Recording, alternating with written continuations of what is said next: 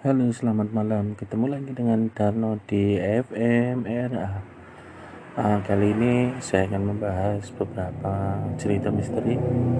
Uh, beberapa hari terakhir cerita horor KKNDP dari bayi menjadi perbincangan yang hangat di dunia maya. Bahkan kisah misteri ini sempat jadi trending topik di Twitter. Banyak yang membacanya, tapi juga tak sedikit juga yang menyaksikannya. Cerita horor seperti ini bukanlah kali pertama. Jauh sebelum itu pernah pula ada cerita misteri yang juga sudah menjadi perbincangan luas di Jakarta Maya. Salah satunya adalah cerita keluarga tak kasat mata yang ada di Jalan Magelang, Yogyakarta.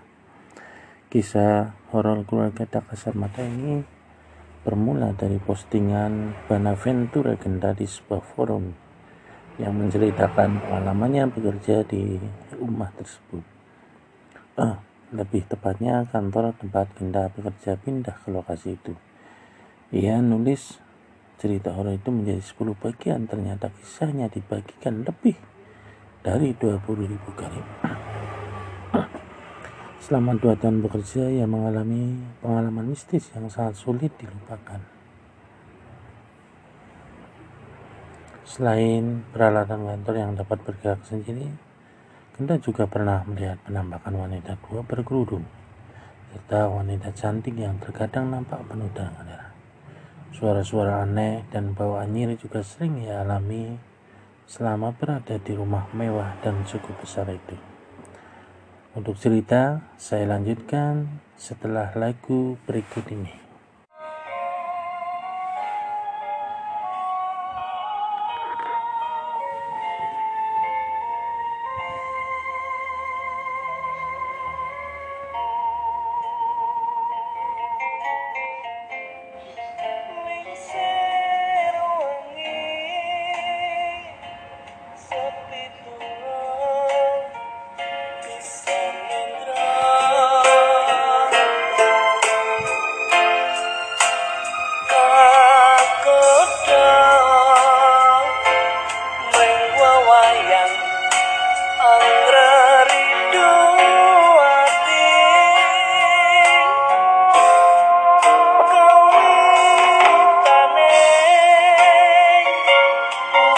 no, no.